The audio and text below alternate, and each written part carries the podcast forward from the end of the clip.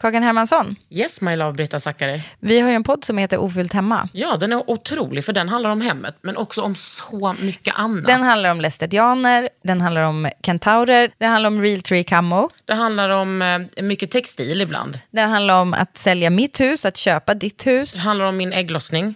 Alltid. Ja. Min också. Tack. Den heter Ofullt hemma och den finns där poddar finns. Hörs i podden, hej då! I'm Sandra, and I'm just the professional your small business was looking for. But you didn't hire me because you didn't use LinkedIn jobs. LinkedIn has professionals you can't find anywhere else, including those who aren't actively looking for a new job but might be open to the perfect role, like me. In a given month, over 70% of LinkedIn users don't visit other leading job sites. So if you're not looking on LinkedIn, you'll miss out on great candidates like Sandra. Start hiring professionals like a professional. Post your free job on linkedin.com/people today. Asabia Britton är ganska nyexad barnmorska och sen så är hon också ganska nyförlöst mor. Och då pratar vi om sådana där saker idag i dagens Under huden. Lite, eh, lite jobbiga grejer pratar vi om ibland men så farligt är det inte. Men så att ni vet. Puss och kram. Det här är en podd från L. Under huden. Med Kakan Hermansson.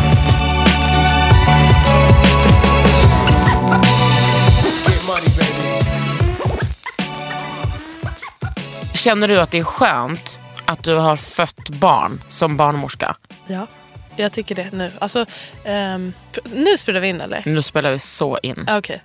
Vad heter det? Jag eh, tycker att det är skönt att säga efterhand. Men jag tycker verkligen inte man behöver ha fött barn för att bli en barnmorska. Det finns ju sådana som tycker det. När jag började plugga till barnmorska då var vi några i klassen. Vi var en tio stycken kanske som inte hade fött barn.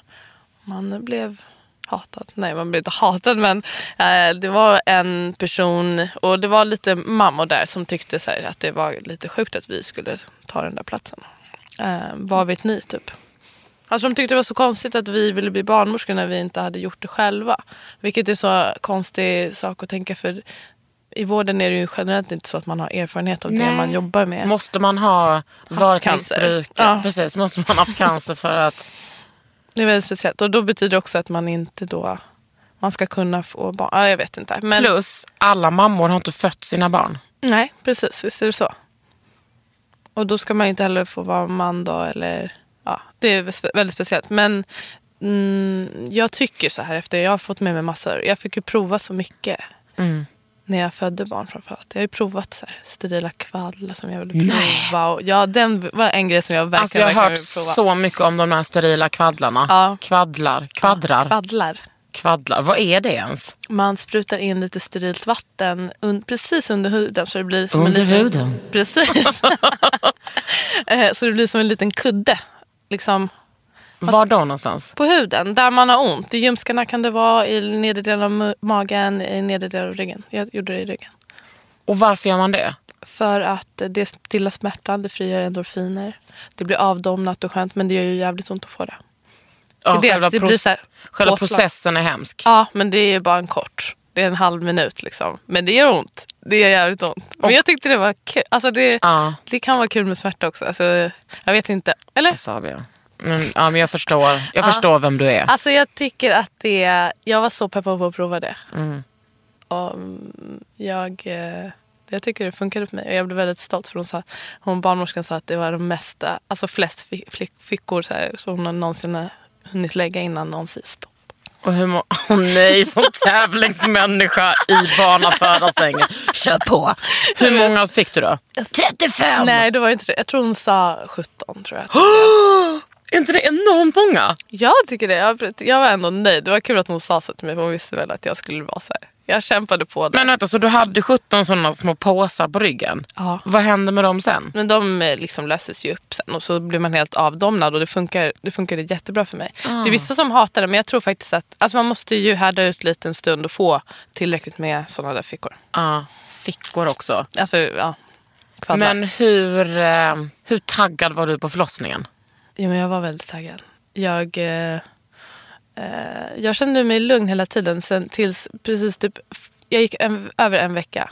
Eller mm, min förlossning började efter jag hade gått över tre dagar. Och sen födde jag en vecka senare, för det tog sin lilla tid. Men eh, det var lite snack om att min bebis var stor och lite sånt där. Och då eh, började jag bli lite nervös. Det var precis på slutet. Nervös för att du skulle behöva göra ett snitt? Nej, bara att...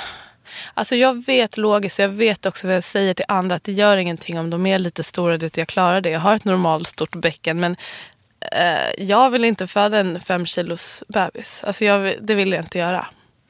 Nej, alltså Nej. vem fan vill göra det? Precis. Alltså på ultraljud, hon på barnmorskan som jag träffade, hon men du klarar det här, du, du kan, även om det är en stor.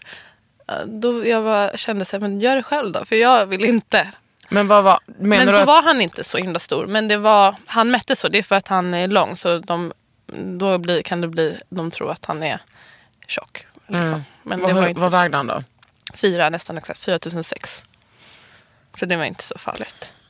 Ändå. Men tänkte du bara, nej men då snittar vi. Nej. Det var det enda som jag verkligen inte ville. Var att ha ett snitt. Men många som föder känner ju sig, blir så besvikna på sig själva när, när, när de måste snitta. Jag vet. Och nu är det många som också helt tvärtom och absolut vill snitta och absolut inte vill Ja. föda vaginalt såklart. Men för mig personligen, vill, jag ville så himla gärna uppleva den där grejen. Och se hur det gick för mig. Och det är inte riktigt det avslutet jag skulle vilja ha. Men jag försökte såklart tänka, om det blir ett akut snitt då är det för att eh, barnet och mitt bästa. Liksom. Jag hade säkert klar, då hade jag haft den erfarenheten och det hade varit bra. Men då, jag skulle hellre snitta nästa gång. Det, är också lite, det blir lite risk och sådär nästa gång om man har snittat. Jag ville bara göra det här. Men hur, eh, nu är du ju mammaledig så du jobbar ju inte som barnmorska. Men Nej. har någonting förändrats i dig som i din eh, yrkesroll efter eh, du födde själv? Ja, som sagt så har jag inte jobbat nu då, men jag har ju min jag har ju min Instagram som tar lite tid faktiskt. Som, det är inte ett jobb men jag, jag håller på att svara på massa frågor där som att jag är lite barnmorska i mobilen. Och eh, jag har ju massa... Det var ju nya- någon precis nu som bara, jag har mjölkstockning. Ja, precis. Som skrev till mig. Ja. Ja, precis. Det var en kompis faktiskt. Men ehm, bara att ha lite egen erfarenhet och framförallt det här med att ha en liten bebis. Som, den biten lär vi oss väl inte sådär jättemycket om. Eller den tror jag att man måste uppleva. Alltså förstå hur det alla känslor involverat kring det. Eh, Alltså någonting som eh, jag har fattat på senaste Mm. är ju att barnmorskor, de tar ju hand om kvinn- eller den Ja. som föder, inte om barnet. det jag vet. Alltså man, Det heter ju barnsjuksköterska. Precis. Alltså det nyfödda barnet är ju också våra Ja. område. Eller inte om de, om de är friska och allting går bra i, i princip. Men eh, många skriver ju till mig och frågar om deras barn. Alltså deras ett, två, tre, fyra, fem år. Jag har ingen aning. Jag kan, Nej. jag är, där är jag verkligen också nybörjare. Så jag kan ingenting om, om barn. Det är ju, BVC är inte barnmorskor. Det tror ju folk. Att Det är barnsjuksköterskor. Men du har ju här då på din otroliga Asabi heter du bara. Alltså, ja, precis. Va? Vad är det här för snygging? Det är du! Det är jag. Jesus Jag fick göra modellgrej för en grej. Ja, ah, vad snygg. Ah, kul. Ehm, här står det, grupp står det på dig då. Ja, men jag kunde inte välja. Jag vill inte vara offentlig person. Vadå, får man välja sånt? Ja, det var, alltså det här, för jag ändrade till företagsprofil nu. För att kunna ha lite statistik. För Cassandra sa att jag skulle göra det. Självklart. Ja. Cassandra kommer liksom upp i alla, alla poddar som jag har. Pratar någon om Cassandra? Ja. Eh, så jag, då Ah, valde jag smart. grupp. För jag, det här var ju min privata Instagram förut. Mm. Ehm, men sen så blev det ju så att den växte sig lite större. Så jag har tagit bort typ 700 bilder och jag, nu är den lite mer barnmorskeri och sådana saker. Men här har du liksom, här har du dina stories som folk snackar om på stan. Jaså? Då har vi amning, lite Q&As, mensskola, igångsättning, fertilitet, fosterlägen, ensamstående, fjärde trimestern, är det den när den är ute? Precis. Månader. Komplikationer, Uff. rädsla, tiden efter, din för... Hur mycket har du lagt upp här? Men jag har lagt upp ganska mycket men jag la inte upp. Du kan få se sen när jag faktiskt eh, trycker ut honom om du vill. Alla har sett den. Alla, alla som jag träffar. Jag vill jättegärna se Okej. det. Men jag visar inte den där men jag visar typ mm, ganska Vem mycket. filmade det? Eh, framförallt min syrra men också undersköterskan på slutet. Ah. Jag skrev det i mitt brev att jag ville att de skulle filma allting. Nej, vad coolt. Den här har jag ju kollat mycket på. Bristningsskolan. Mm, det var den, det det som startade hela... Alltså, jag hade inte så, någon ambition att göra ett sånt här konto. Det var ju att jag la upp de här korten. Mm. Alltså jag, jag la upp dem i förbifarten en gång. Bara för jag tyckte det var kul att jag gick runt med dem i fickan så här, om Mm. någon skulle se. Alltså det är ett random jobb man har. Men, och då var det många som frågade väldigt mycket frågor kring det. Och det är så mycket rädsla kring det här med bristningar. Mm. Så då kände jag att jag måste förklara lite mer ingående. Kan inte du... Kan inte du oh, herregud, tänk att man ser ut så här Men- under. ja, precis, under, ja. Det där är väldigt lite hår, alltså det måste jag säga.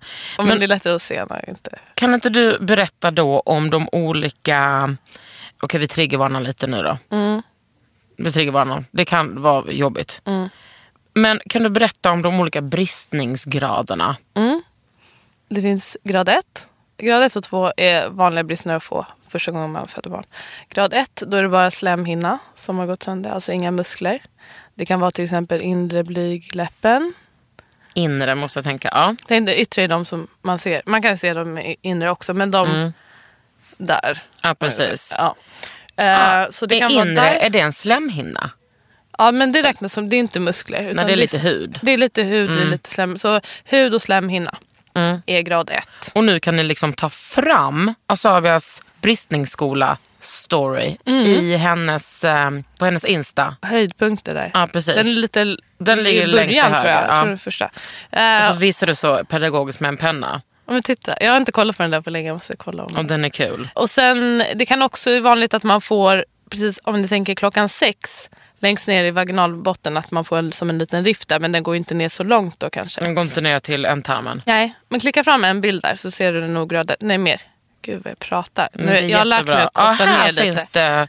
Nej, varför ska du korta ner? Det är man måste- underbart. Man måste, folk måste orka också. Här ser man. Här har, här har en yt... Det ser så fruktansvärt ont ut. Alltså, ja, det- Alltså så fruktansvärt ont ut. just den här in... Det ser ut... Ja. Tycker du? Alltså den, det där är den värsta bilden. Är det så? Ja just det, för det där är inre. Just det, det där är själva slidan och det här är För man yttre. brukar ju inte gå sönder i yttre blygdläppen. Men, Men, menar eh, du alltså att när man föder ett barn, att man kan få en hack sådär i inre? Ja. Är det för att det stretchar så mycket? Ja, precis. Absolut. Men den gör ju... Alltså det, är ju en, det här är ju en jätteliten pyttebristning. Alltså när man får det så här. Då har man grad ett. Det är ju minsta. Det kan man ju nästan räkna med om man föder sitt första. Är det här grad ett? Ja, det här är grad ett. När, när halva ens inre har gått i ty? Det har det ju inte. Men det, det som är att det inte är några muskler.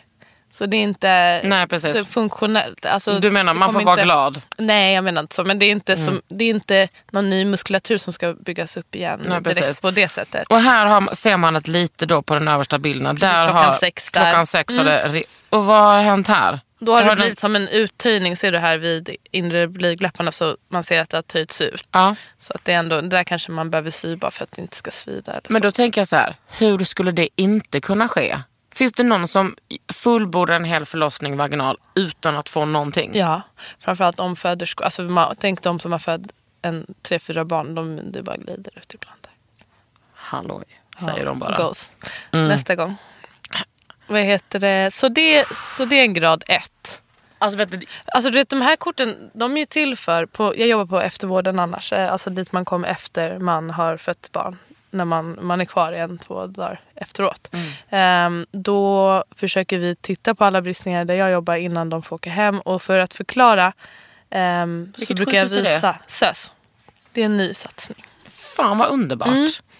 Jättebra. Det där känns ju verkligen som en vilken otrolig feministisk eh, sjukvård. Så jävla bra. Det gjorde de inte på mig där jag födde. Vad födde du? BB Stockholm. Mm. Och jag blev lite besviken på det. Jag hade velat att de skulle kolla.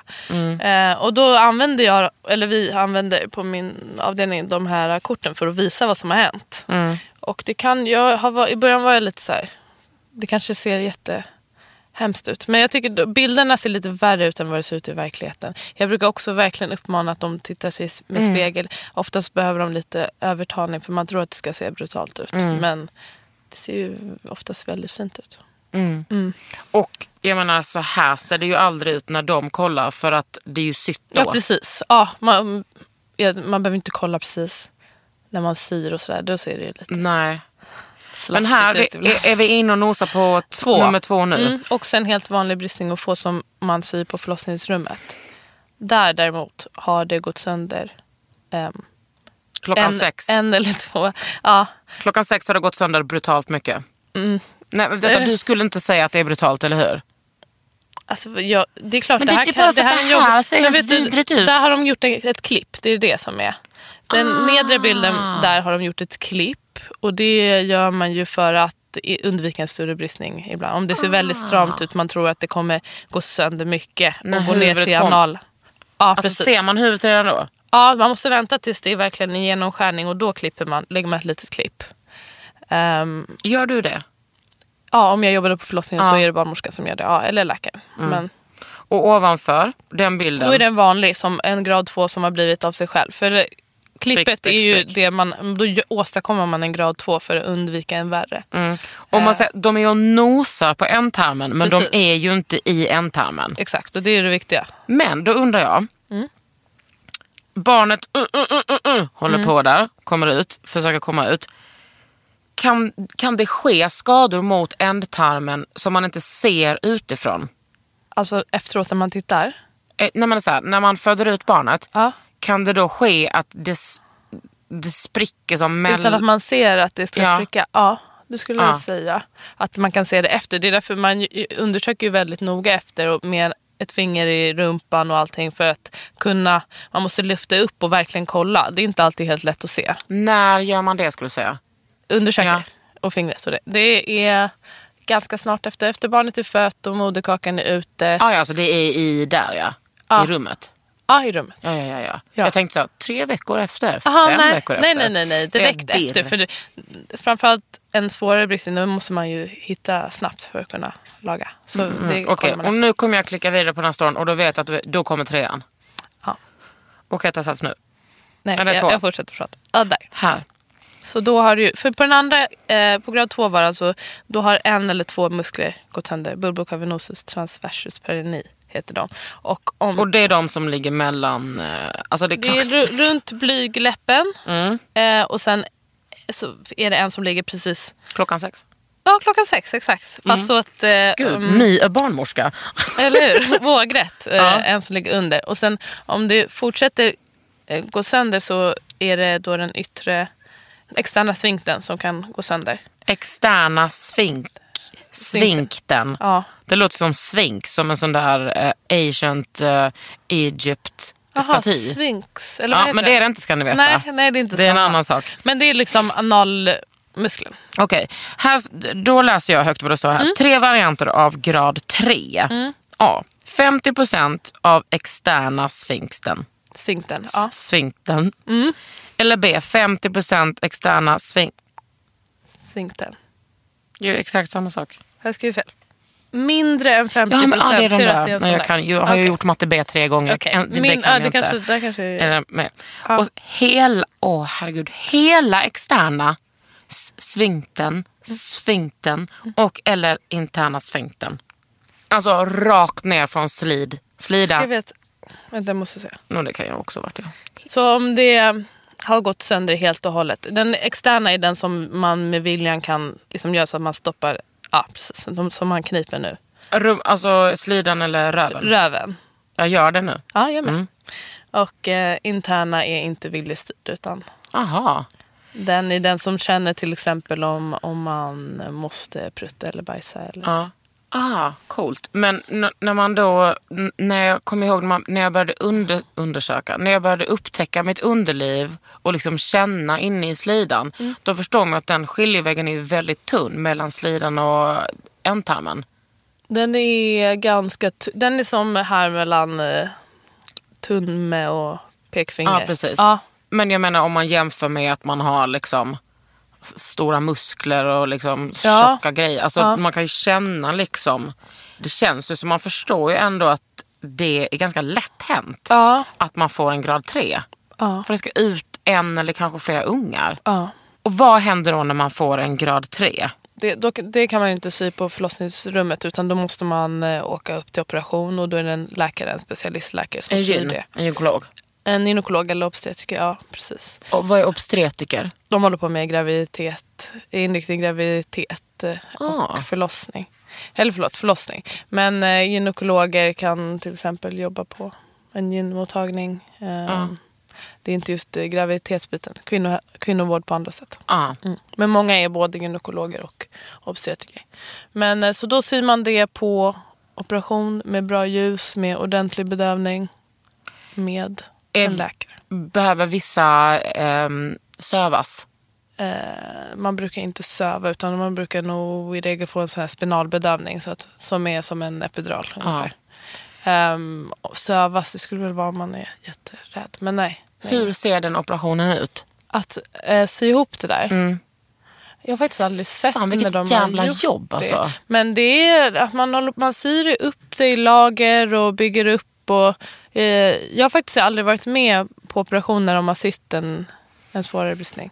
Där på den bilden, är det ett finger som trycker in i analen? Ja precis, det är många som har frågat vad är det där? Ja, men är det för att bara visa var, var en Ja, tror det. slutar? Eller var liksom... Ja, och att man gör så. För man tar ett finger för Ah. att lyfta upp för att se den externa sfinkter och se allting. Det, på de här bilderna ser det ju väldigt tydligt ut men i verkligheten det blöder ju och det, ja, det är inte alltid lätt att, att se Mm. vad som är vad. Under huden. A lot can happen in the next three years. Like a chatbot may be your new best friend. But what won't change? Needing health insurance. United Healthcare Tri Term Medical Plans are available for these changing times. Underwritten by Golden Rule Insurance Company, they offer budget friendly, flexible coverage for people who are in between jobs or missed open enrollment. The plans last nearly three years in some states, with access to a nationwide network of doctors and hospitals. So, for whatever tomorrow brings, United Healthcare Tri Term Medical Plans may be for you. Learn more at uh1.com. Millions of people have lost weight with personalized plans from Noom, like Evan, who can't stand salads and still lost 50 pounds. Salads, generally, for most people, are the easy button, right? For me, that wasn't an option. I never really was a salad guy. That's just not who I am. But Noom worked for me. Get your personalized plan today at Noom.com. Real Noom user compensated to provide their story. In four weeks, the typical Noom user can expect to lose one to two pounds per week. Individual results may vary. När jag bad folk ställa frågor till dig Mm. så är det många som har frågat om de kan göra någonting för att förebygga bristningar i samband med förlossning. Och det har du svarat på här. Mm. Men då får du gärna svara mig. Ja, har, jag, har jag lagt det i den bristningsskola? Uh, yes. Vad bra. Men eh, det man kan göra är, det som det finns vetenskapliga belägg för är varma handdukar, värme eh, mot mellangården eh, under utdrivningen. Och alltså när man krystar. Och är det då att, att huden blir eh, mjuk av det? Jag eller? tänker dock att det blir en bra blodgenomströmning. Att det, inte, Mm, Just det, ja. ja, att det blir en bra blodgenomströmning helt enkelt. Och det här tillämpas på alla förlossningskliniker jag har varit på. Jag tror att de flesta gör det här. Alltså, det är inget man själv behöver hålla på och säga till om oftast. Men man kan ju skriva det i sitt förlossningsbrev att man vill det. Sen så är det vissa ställningar som är lite mer avlastande än andra. Um, sida till exempel. Knästående. Oh. Som inte är... Då, man kan tänka sig, då ligger inte, om man ligger på rygg till exempel, då trycker du väldigt hårt mot där man kan lätt gå sönder.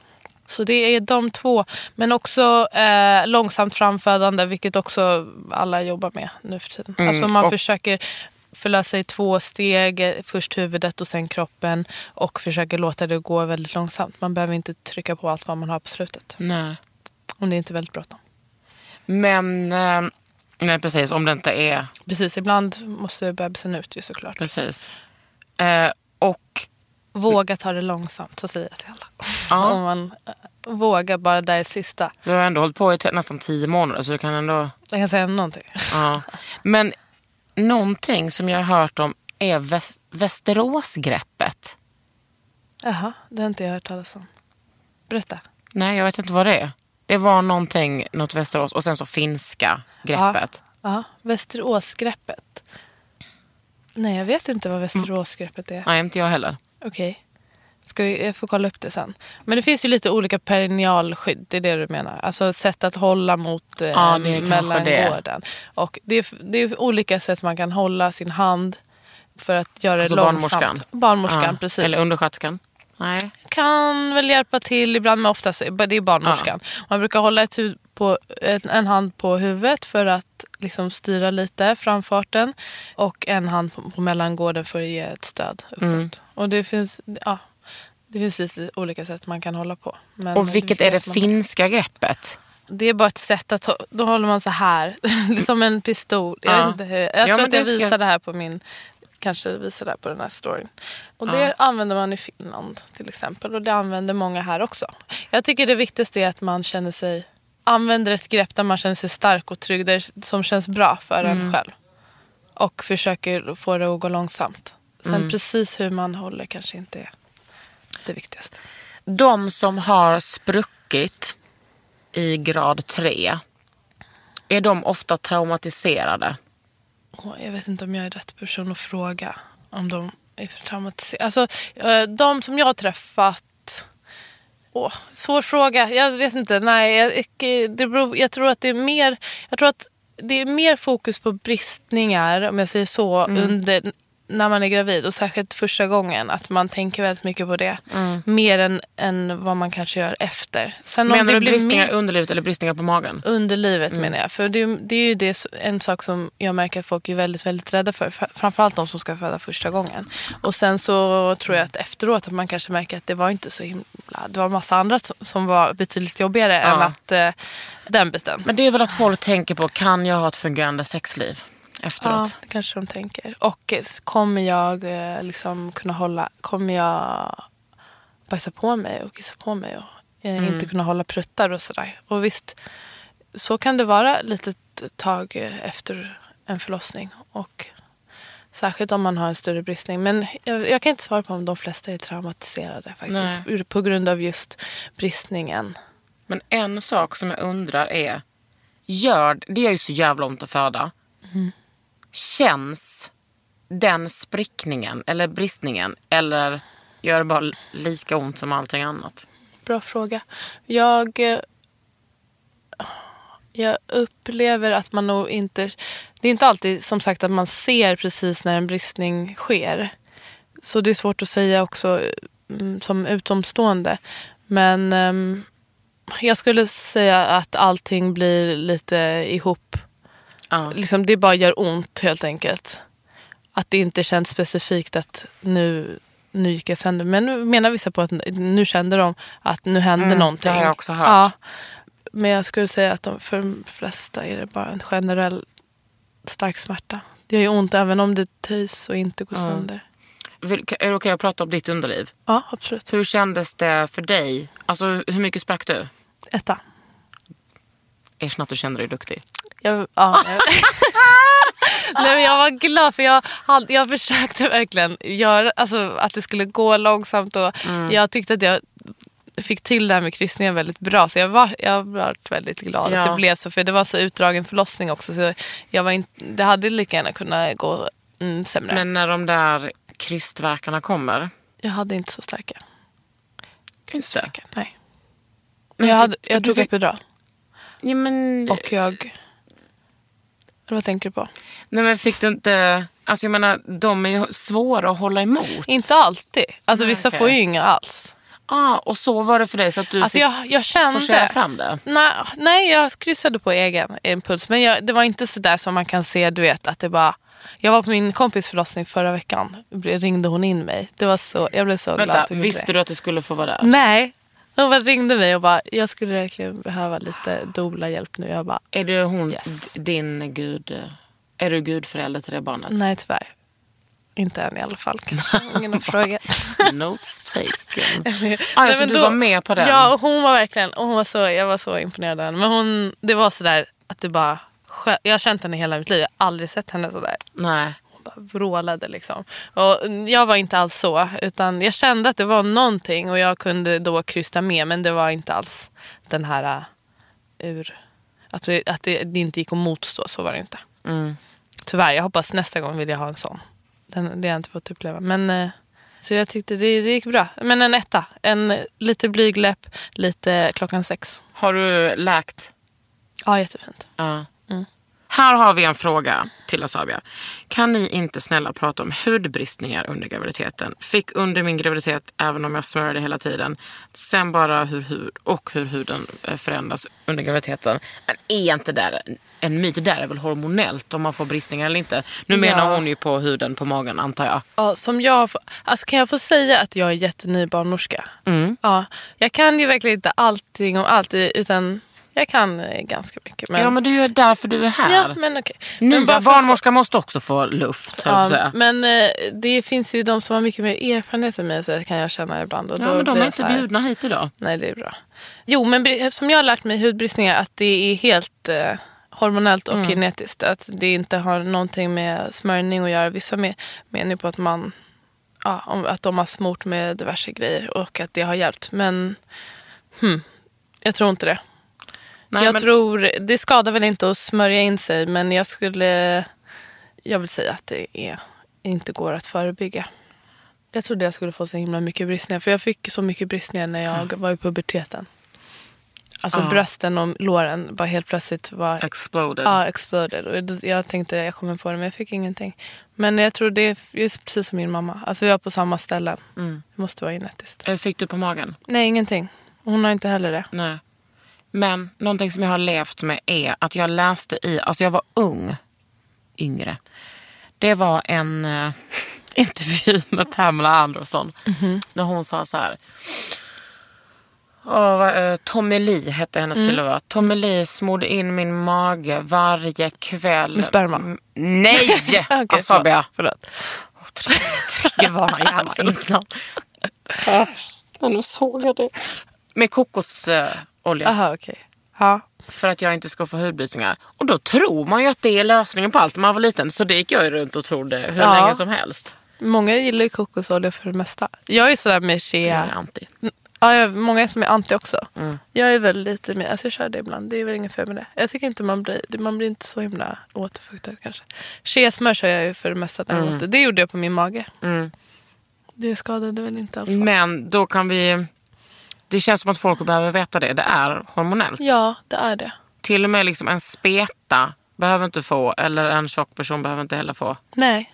Jag hade en person som, och hon är... Eh, eh, nej, hon är inte kraftig. Hon är eh, lite juicy. Mm. Hon fick sista veckan. Ja. Eh, Och jag tror inte det är ovanligt. Just, man har gått nästan hela graviditeten sen så börjar de komma. Mm. Men det, barnet växer ju mycket där på slutet också. Men jag tror man har en inbyggd elasticitet. Jag kan inte tänka mig att någon kräm ska hjälpa en. Nej.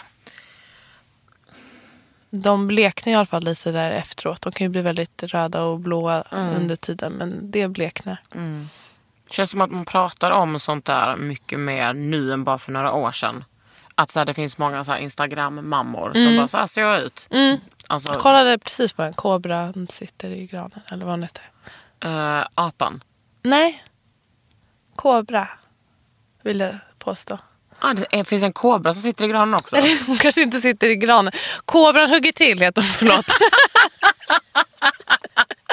jag blandar. Jag fäller båda. Där. ja. Ja. Här har vi en jättebra fråga.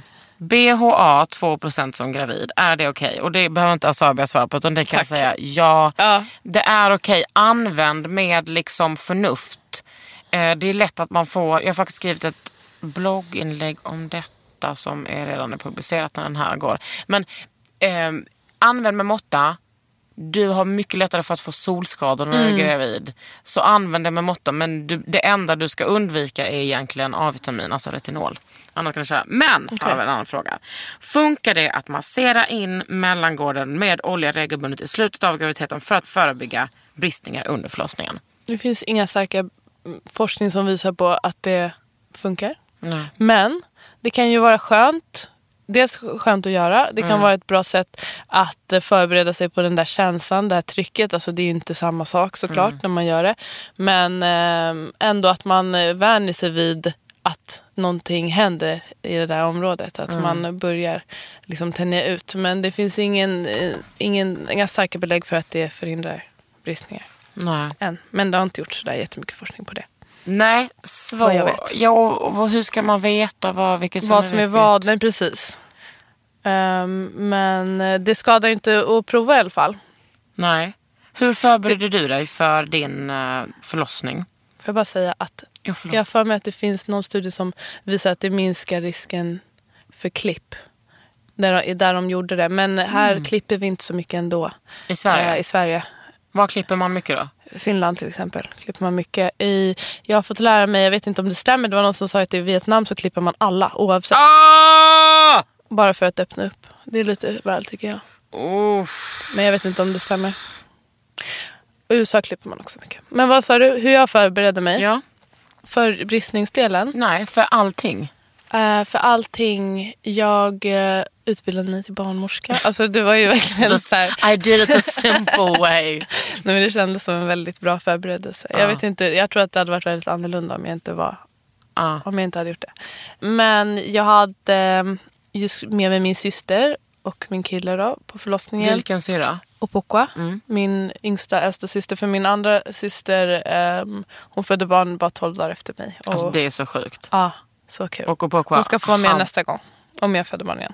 Och Poko hade fött då för inte så länge sedan. Ja, då hade hon ju fött ett år innan ungefär. Mm. Och hon är sjuksköterska också. Kan man- Hon är sjuksköterska. Ja. Mm. Gud, er familj. Och hon, hon hade, var med på sin tredje förlossning nu, precis hennes bästis. Hon var med på min andra syrras också. Så hon är ju typ eh, doula nu. Det är så kul. Hade ni liksom bestämt då innan vad hon skulle ha för roll? Ja, men det var det jag skulle säga. Vi hade ett litet möte. Jag ville inte gå på någon förlossningsförberedande kurs för jag kände att allt det där kan jag berätta för dem. Eh, På mitt sätt och som jag vill ha det. Men min kompis, min eh, gamla klasskompis Mattias kom och höll en liten föreläsning för oss och så hade vi lite så här massagekurs och lite pratade om förväntningar och rädslor och vad jag vill ha och vad Amat behöver för stöd, min kille. Och vad Opokas roll var. Så det, vi satt och pratade där över en lunch. Det var För toppen. det där kan ju bli jävligt känsligt om Amat känner att han inte får alltså, om, vara den primära. Alltså om Opokoa skulle vara... Tror du? Ja, för vissa kan. Men jag tänker att alltså, att ha med en extra person, om man känner sig öppen för det, jag rekommenderar det till alla. Ja. Alltså, jag tycker det är, så bra och det är ju, inte, det är ju för partnern också. Alltså gud vad Mm. Avlastning. jobbigt för om säkert när det tar så lång tid som det gjorde för mig eller om man själv är lite rädd eller så att ha någon där som kan avlasta lite och vara den, ett bra stöd. Jag tycker Mm. det var skitbra. Och Opoka hon em, känner mig så jävla bra. Mm. Amma känner också mig men Opoka känner mig. Hon vet liksom vad jag vill. Vi, Ja. vi är inte Fan vad coolt. Mm. Och det gick, eh, det var, gick bra. Det var, ni var ett bra gäng. Ja, verkligen. Ja. Alltså det gjorde allt. Vi var ett jättebra gäng. Det var, det var svinbra. Så, det, så jag förberedde mig eh, väl så. Vi pratade väldigt mycket om det liksom veckorna innan. Mm. Bara hur vi ville ha det. Och, Kunde du, så här i efterhand, är det som att du bara I had no fucking idea. Alltså, jag, det här trodde inte jag. Eller var det Nej. typ som, att du, tro, som du trodde? det var faktiskt... Alltså, det, jag, det var typ som jag trodde. Men jag vill ju säga att det hade ju kunnat gå på en miljon andra sätt. Alltså nu hade jag en komplikations... Nej, jag hade lite, på pappret kanske man tycker att det var lite, lite komplicerat. Jag fick ju hög feber och det tog lång tid. Jag bröt min svanskota. Jag gjorde allt det här. Vet du inte det? Jo, det gjorde jag. Åh, alltså på utskedet. Ja, Jesus. den cracked som en kvist. Hörde Och man då? den. Den är eh, änden, en liten bit, lever sitt fria liv. Den är helt av. Jag röntgade ju den, för jag, var, jag fick eh, röntga till sist för att se att den verkligen är helt bruten. Den är av. Ja, det är sjukt. Jag har berättat om det här jättemycket redan, så jag, jag tjatar om det hela tiden. Men den var jag inte beredd på faktiskt. Jag var beredd på mycket skulle hända, men jag trodde inte jag skulle bryta ryggen. Kände du det då eller har du känt efteråt med om det är någonting med svanskotan? Jag, alltså vi hörde och jag kände att Nej, du hörde! Ja. Alla hörde. Eller Amat hörde inte som tur var. Men min syster och barnmorskan hoppade ju till. Och jag frågade vad var det där? Barnmorskan bara, tänk inte på det nu, nu fokuserar vi på det här. Oh. Hur lång tid var det innan eh, han kom? Eh, det var ganska nära. Jag kan inte säga exakt, jag vet inte. Men det var liksom, jag höll på att krysta och to- tog i. Det var då det var, Lät det så? ja det lät som en champagneflaska. Det gjorde det verkligen. Fast högt. Alltså det lät verkligen så Är äckligt. det vanligt att man gör det? Inte jättevanligt men det, och det är också en sån grej som vi kan alldeles för lite om. Om man säger bara, som jag också har sagt liksom, till folk att eh, det går över av sig själv. Typ eh, vänta, det tar upp till ett år eller vad man har något som man säger. Men nu har jag lärt mig så mycket om det där så jag, jag, ska, jag måste lära ut rätt grejer att säga. Det är inte bara att vänta, det finns faktiskt saker man kan göra. Så det Ja, var men- inte helt komplikationsfritt faktiskt. Nej. Men jag tyckte att det var toppen ändå. Ja. Och eh, personalen. Underbar. Jag, hade, jag känner många där på BB Stockholm för jag gjorde min sista praktik. Så jag hade Mm. önskat en eh, tjej, Sofie. Nej. Och jag hade sån tur att precis när jag fick ett förlossningsrum skulle hon börja jobba en halvtimme senare. Och då blev jag så glad. Så det var liksom en av dina kollegor Ja. som du bara, hon är the queen, henne ska jag ha. Ja, jag, hon är också ny, ganska ny barnmorska men vi hade gått mycket tillsammans. Vi hade några fina, jättefina förlossningar tillsammans. Jag ville så gärna ha med henne. Och sen så hade jag några andra som backup-personer. Men hon, det blev i alla fall hon. Men sen så, det tog lite tid så jag fick byta. Men då kom hon in med permen och var så här, den här, den här ska jobba, den här tror jag du kommer gilla. Och hon så här, valde till mig en jättefin tjej som jag verkligen älskar. Ja, så hon var inte kvar under själva... Nej, men hon var med i början. Och det var Mm. jättefint. Men även hon som kom sen, Emily var toppen. Mm. Jag träffade henne nu förra veckan. För hon, det var hon som förlöste min kompis. Mm. Det var så kul att se henne. Hur många får man ha med på förlossningen? I rummet? Ja. Jag tror att det är helt beroende på barnmorska. För jag vet att jag hade en annan handledare som var så himla... En grinig person som, som absolut inte fick ha mer än två. Men då var hon irriterad. Du vet. Hon tycker att det var alldeles för mycket. Men ehm, på när min andra syster födde Elisabeth då var vi ju hela familjen där. Alltså mamma, pappa, hennes kille, två systrar. Ja, vi var ju många då på rummet. Fem. Var liksom hela er då familj med när hon födde ut barnet? Mm, pappa var tvungen att gå och jobba så han gick eh, två timmar innan. Men, Men för eh, de vi- är typ läkare och... eh, Det var inte nå- Vadå? Är de for, dina föräldrar? Min pappa är infektionsläkare. Min mamma är forskare från början men nu jobbar med bistånd på Sida. Ah. Ni är en Men- riktig sjukvårdsfamilj liksom. Ja, men eh, jag, jag trodde in, jag blev förvånad att hon ville ha med oss alla. Jag hade inte fattat det. Men det var jättekul och hon tyckte det var jättebra.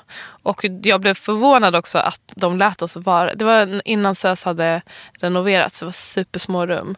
Och det var ju svintrångt där inne. Med barnmorskan också och undersköterskan kom det in en extra barnmorska för det blev lite akut. Och vi var, alltså, det var helt fullt där inne. Men ingen sa ett ord om Fan vad underbart. För hon var är liksom- förlossningsrädd också. Hon hade skrivit det. Jag tror det var kanske därför de bara back off. Ja. För det var det här hon behövde. Liksom. Nej, Men jag tänker, det finns så himla många... Men alltså så här, den typiska svennefamiljen är ju...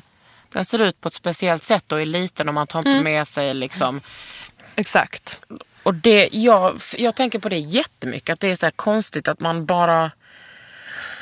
Att det är normen att man bara har med sin partner. Mm. Alltså i vården generellt, man märker ju stora skillnader på olika kulturer. Alltså Mm. det, det är inte om man kan ha någon som ligger inne i en vecka som inte får något besök i Mm. princip.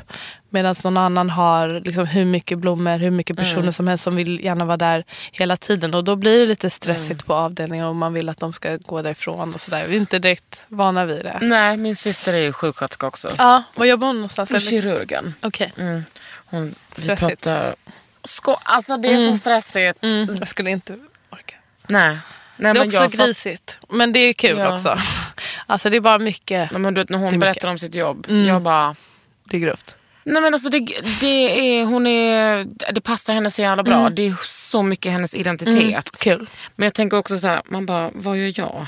Hon räddar liv, Det vad massa. fan gör jag? Ja, jag ger Också kanske kvinnor hopp, det är ju skönt. Och andra personer. Men eh, hon är verkligen, Hon är ju sjuksköterska. mm, hon är, har varit det kanske oh, ja, men, kanske att hon tog examen samtidigt som Januari. du. Ja, Mm, precis. Och sen så hade hon uppehåll så hon jobbade som undersköterska ett år. Min mamma, jättebra. vår mamma är undersköterska. Ja. Precis. Jag gjorde också det ett tag. Eller medan jag utbildade mig. Det är toppen. Ja, och också att man också... För jag har vi har ju hört hela vår barndom hur jag var undersköterska. Mm. Läkaren inte ens pratar med en eller tittar på en. Och, Ja. Så det är bra. Vilken kan vara den viktigaste investeringen inför en förlossning? Jag tänker att min personliga... Jag, jag tror att jag har sagt att min... Eh, den materiella grejen som var bäst för mig var min tensapparat. Det vet jag inte om alla vet vad det är. Nej, det får du berätta. Mm, det är en apparat som man kan hyra eh, eller köpa på apoteket till exempel. Som man klistrar fast lappar på ställen där det är ont. Eh, ryggen framförallt. Och den skickar ut elektriska impulser som, gör, som är smärtlindrande. Och den tyckte jag var så himla bra hemma för jag hade en lång latensfas. Och Vad är latensfas? Den här första fasen innan man är igång ordentligt när det bara livmodertappen börjar bli mjuk, det börjar Mm. öppnas upp lite sakta men det går inte liksom framåt i en stadig takt Det är innan inte man tre är aktiv. verkar på tio minuter. Nej precis, det är inte tre verkar på tio minuter. Det är inte de här starkaste verkarna. Det ökar inte i intensitet utan Mm. det är det här i början. Men det kan göra jävligt ont ändå. Och kan vara väldigt uttröttande. Men den hade jag och den tyckte funkade jätte, jättebra för mig. Och den kan man också öva upp sig lite på va? Den kan man, precis det jag skulle säga. Att det är jättebra om man införskaffar den lite tidigt och tränar på att använda den så att man inte börjar typ kolla inställningar när verkarna börjar komma. För det eh, orkar man inte. Nej. Och visa kanske den som ska vara med, som kan vara med och styra. Den tyckte jag var toppen. Och sen så investera i någon typ av förlossningsförberedande kurs tänker jag. Om man har råd och tid och möjlighet. Föda utan rädsla till exempel. Jag tycker de är jätte, jättebra. Älskar. Mm. Det finns ju inte överallt tyvärr. Men jag har också sagt om man har, om man har råd och, och möjlighet. Kanske något man kan göra över en weekend. Åka till Stockholm och eh, eller där de nu har det och, eh, på, rädsla? och gå på Föda utan rädsla. Ja, och de kan också komma hem till en. Men, Gud vad bra. mm, men jag tror att det finns i andra städer. Det än- finns i andra städer men jag vet att vissa har skrivit till mig att det inte finns något nära dem. Alltså jag vet det finns väl inte överallt. Mm. Men vad vet jag. Men Ja. det är en bra investering tycker jag. Vad finns det för, det här är en fråga som kommer från mig som är en tjock person.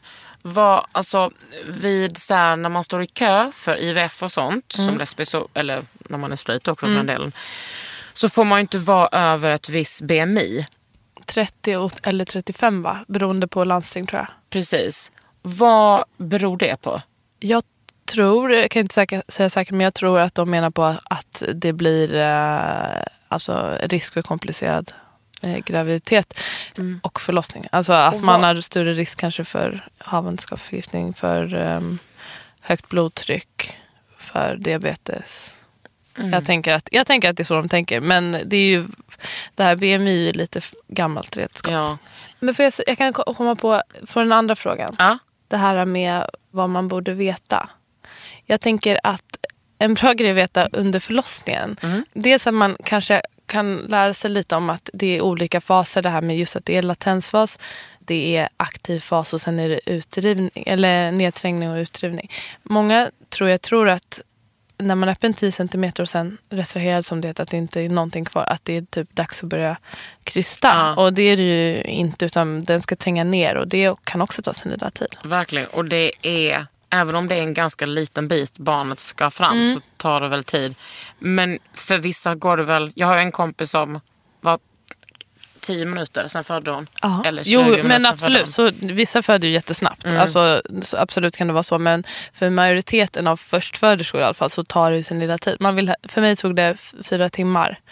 Ehm, Från från att var- vara retraherad, alltså helt öppen, till att han var född. Och det är lite för lång tid. Man vill ju helst att den ska vara född på tre timmar. För att barnet blir för trött. När barnet blir trött, livmodern blir trött, risk för blödning då. När livmodern blir trött och inte kan dra upp. Ah, vad, vad är Risk det för för värksvaghet. slags eh, blödning?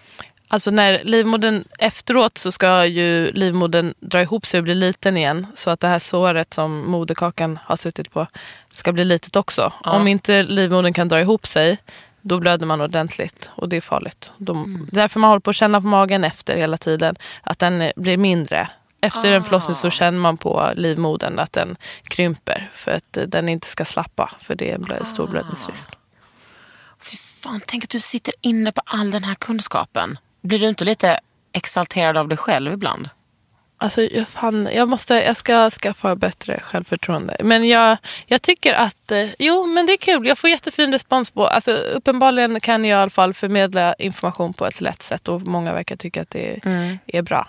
Men det är mycket som jag inte kan och det är väl det som jag känner. Men jag lär mig jättemycket av att alla ställer sådana här frågor. Då Du har liksom blivit liksom. Ja, Men typ. Det, det, det är Någon det jag måste börja betala lite... dig. Ja, men eh, det kanske de börjar. Ja. Mm. Jag, har ju lite, jag får ju lite grejer, förfrågningar och sådär och Mm. nu ska jag göra en rolig sak. Så jag tror att det... Och du var med i eh, Vattnet går. Mm. Och förlossningspodden. Precis, Vattnet går har ju min kompis eh, Nina Ja, Campioni. Men där tycker jag också att det är bra. Det är väl bara typ 10% som får vatten av lossning eller vad det heter. vatten, att vattnet går. Ja. Eh, 15 procent. 15, ja, det är ju inte så många. Nej. Det gjorde, de, det gjorde det inte på mig till exempel. Nej, alltså då fick jag höra någonting som heter slemproppen. Alltså, Ja. det pratar ingen om. Är det så? Jag tycker folk pratar om det. Nej, jag tycker Eller folk inte folk pratar om Okej. slemproppen. Nej. Och det är liksom en liten som ska gå. Ja, det är en liten, en liten propp i, så här, i liksom tapp som, som skyddar mot infektioner under graviditeten. Den bildas jättetidigt i graviditeten. Och eh, Var sitter den? I tappen, liksom där i cervix. Mhm. I det där lilla hålet. Så att det täpper igen. Och den kan släppa i omgångar. Några, ett tag innan förlossningen. Det betyder inte att förlossningen är igång men det är på G. Så Mm. kan man säga. Och det kan också, den, behöver inte, den kan också släppa sen, alltså, när verkarbetet är igång. Det är olika. Den Men kan det, de släppa en vecka innan? Eller? Ja. Mm. Men det är ett tecken på att det är ändå någonting händer. Nu händer det. Mm. Och den kan vara lite sådär, eh, lite, ja men ser ut som en, slemmig. lite länsig. Lite Ja, det kan vara brun. lite blod Ja. i, precis. Jag tror att många verkar kanske missuppfatta att vattnet har gått när slemproppen går. Men eh, ett, en grej med vattnet, oftast när vattnet går, då brukar det fortsätta sippra. Det, det är inte bara en. Nej, precis. Men så kan det i och för sig vara med slemproppen också. Den kan också komma i omgångar. Så det är inte så lätt att veta. Men vadå, är slemproppen inte liksom en actual liten hög med slem? Jo, det är slem. Ja, men det kan se så olika ut. Jag tänker den kan också komma lite i taget. Det behöver inte komma allt på en gång. Längtar du efter att börja jobba? Ja, jag gör det. Ja, särskilt nu när jag var på förlossningen förra veckan. Ja. Så, äh, tyckte, så längtade jag till att Men då jobba. jobbar du på eftervården? Men jag kommer börja på förlossningen. För att eh, det var så mitt kontrakt var. Men jag vill inte jobba på förlossningen. Det är så tungt. När jag var Ja, höggravid, det. jag orkar det, inte just det. Man står i lite konstiga ställningar och sådär. Mm. Men ehm, jag vill vara på förlossningen. Det är bara att man ska orka också. Det är lite stress. Det är tungt ju, Mm. som ni vet. Men jag ska försöka. Wow, du är så cool. Alltså, tack för att du kom hit och delade med dig av Tack det att här. jag fick komma. Du har lyssnat på Under huden med mig, Kakan Hermansson och Asabi Britt. legitimerad barnmorska. Under huden med Kakan Hermansson. En podd från L.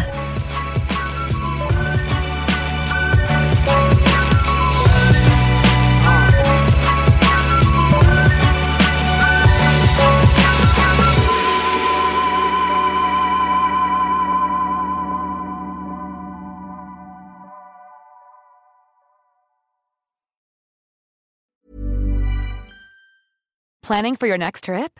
Elevate your travel style with Quince. Quince has all the jet setting essentials you'll want for your next getaway, like European linen, premium luggage options, buttery soft Italian leather bags, and so much more. And is all priced at 50 to 80% less than similar brands.